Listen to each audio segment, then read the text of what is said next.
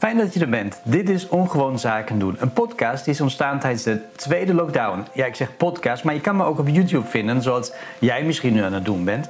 Maar hoe dan ook, het is een podcast die is ontstaan tijdens de tweede lockdown hier in Nederland. Met het enige doel jou een klein beetje inspiratie te brengen. Zodat jij ook vandaag weer zaken kunt doen zoals jij dat het liefste wilt gaan doen. Het is ook een plek waar zin en onzin bij elkaar komen. Dus blijf vooral je eigen mening formuleren. Want dat is hetgene, denk ik, waar jij sowieso voor staat. Vind je deze podcast leuk? Vergeet dan niet ook om met deze te liken of in ieder geval mij te volgen. En wie weet, als je via YouTube kijkt, ook de update-bel aan te klikken. Want dan blijf je op de hoogte van alle aankomende podcasts. Nou, laten we gaan beginnen. Zoals je ziet ga ik ook weer vandaag een klein stuk prijsgeven vanuit de roadtrip die ik heb gemaakt een paar dagen geleden. Helemaal vanuit Nederland naar nou op dit moment voelt het heel erg ver weg aan, het verre Polen. Dwars door Duitsland ben ik gereden, uiteindelijk om in Polen terecht te komen. En niet zomaar ergens op een plek, nee op een speciale plek.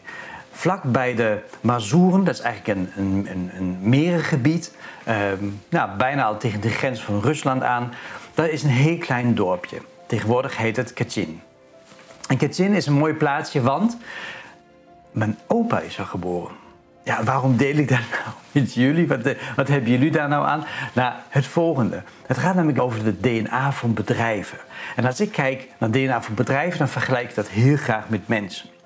Als ik naar mijn eigen achtergrond kijk, dan zie je inderdaad van... Nou ja, een van mijn voorouders is dus geboren in het meergebied in Polen... vlak tegen de grens van Rusland. En een andere voorouder van mij is geboren midden in Noord-Duitsland. Weer iemand anders die is geboren in Roemenië. En weer iemand anders in Wenen. En dat bij elkaar heeft mij geproduceerd. Via mijn ouders uiteraard. En ik heb dus al hun ervaringen, al hun bagage, al hun ideeën, al hun waarden meegekregen als startpakket om mezelf te gaan worden. En bij bedrijven is dat vaak ook zo.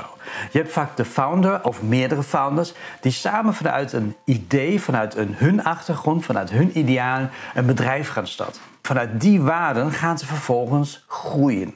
Gaan ze producten en diensten ontwikkelen, maar gaan ze ook mensen aan zich binden, klanten aan zich binden, maar ook medewerkers aan zich binden. En van daaruit ontstaat een organisch bedrijf. Iedereen brengt natuurlijk weer zijn eigen ideeën bij, maar toch is hetgene wat de oorspronkelijke founders hebben ingebracht, daar zitten toch een aantal kernwaarden in die de dynamiek van een bedrijf vormgeven, of juist het gevoel hoe je met elkaar werkt, of wat voor type producten je ontwikkelt, of inderdaad van hoe je zaken doet met je relaties. En ik spreek op dit moment best veel bedrijven die zeggen van ja, we willen graag nieuwe campagnes ontwikkelen. En het moet mooi zijn en flitsend. En we willen graag ja, de tijdgeest van nu daarin meenemen. En het enige wat ik vaak dan zeg van ja, maar waar kom je dan vandaan? Wie ben je als bedrijf? Wat is de ontstaansgeschiedenis van je bedrijf? Want daar zitten vaak de essentiële kernwaarden in waarop je kan doorbouwen. Waarop je dus campagnes verder kunt ontwikkelen. En dan maakt het niet uit in welke tijdgeest je leeft op dit moment. Het is toch belangrijk om terug te kijken, zodat je vanuit daar kan kijken wat past dan ook bij jou. Wat is nou uh, het geschikte thema of wat is de, de manier om jouw bedrijf te profileren? Zodat het voor jou natuurlijk aanvoelt, voor je medewerkers begrijpelijk aanvoelt, maar vooral ook voor je klanten begrijpelijk aanvoelt.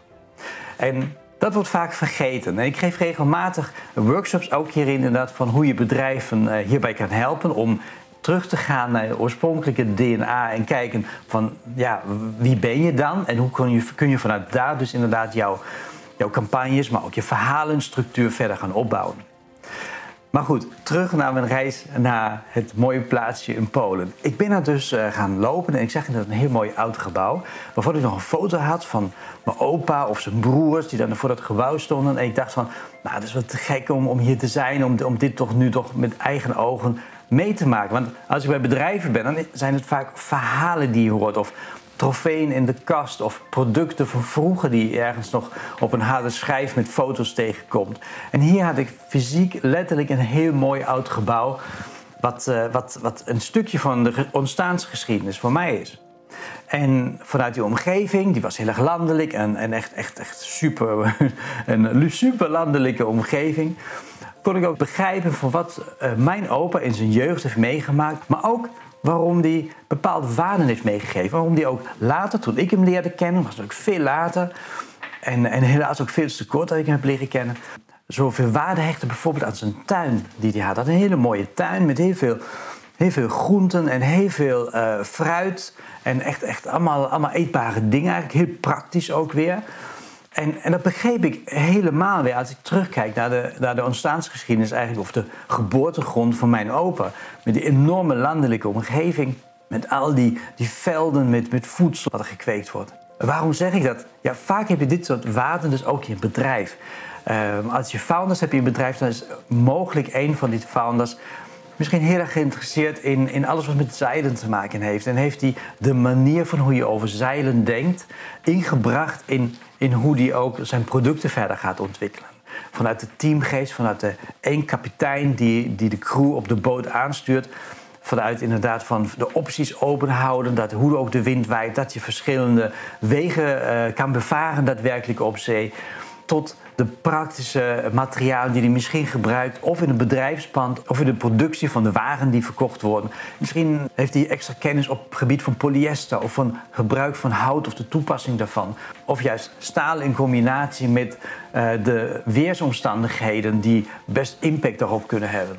Nou, er is maar één voorbeeld en het is natuurlijk heel erg afhankelijk van waar jouw bedrijf om draait en waar het vandaan komt en waar, ook, waar ook de andere founders uh, mogelijk vandaan komen.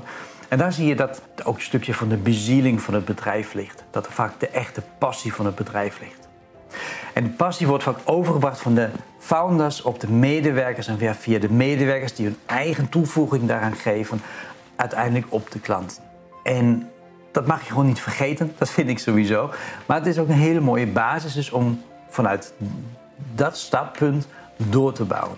Van dat soort startpunten, de eikpunten te vinden. Dat zegt van dat zijn de punten waarop wij ook in de toekomst onze producten willen ontwikkelen. Of juist inderdaad nieuwe medewerkers gaan werven die passen bij de identiteit van dit bedrijf. Zodat we vanuit hier de marktomgeving kunnen benaderen, maar ook marktaandeel gewoon kunnen winnen. En de concurrentie laten zien dat we een eigen uitstraling, een eigen identiteit hebben, waarmee wij onze klanten op een herkenbare manier kunnen bereiken. Dat is de inspiratie die ik je vandaag wilde meegeven. Het gaat dus echt over de DNA-identiteit. Ik kwam me dus tegen bij mijn roadtrip in Polen.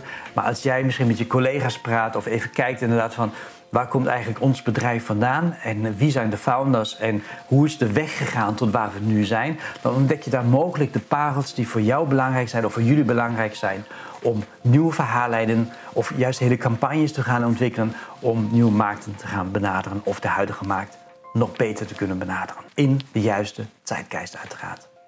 Heb je hier nog vragen over? Neem nogmaals gewoon gerust contact met mij op. Ik help je graag verder.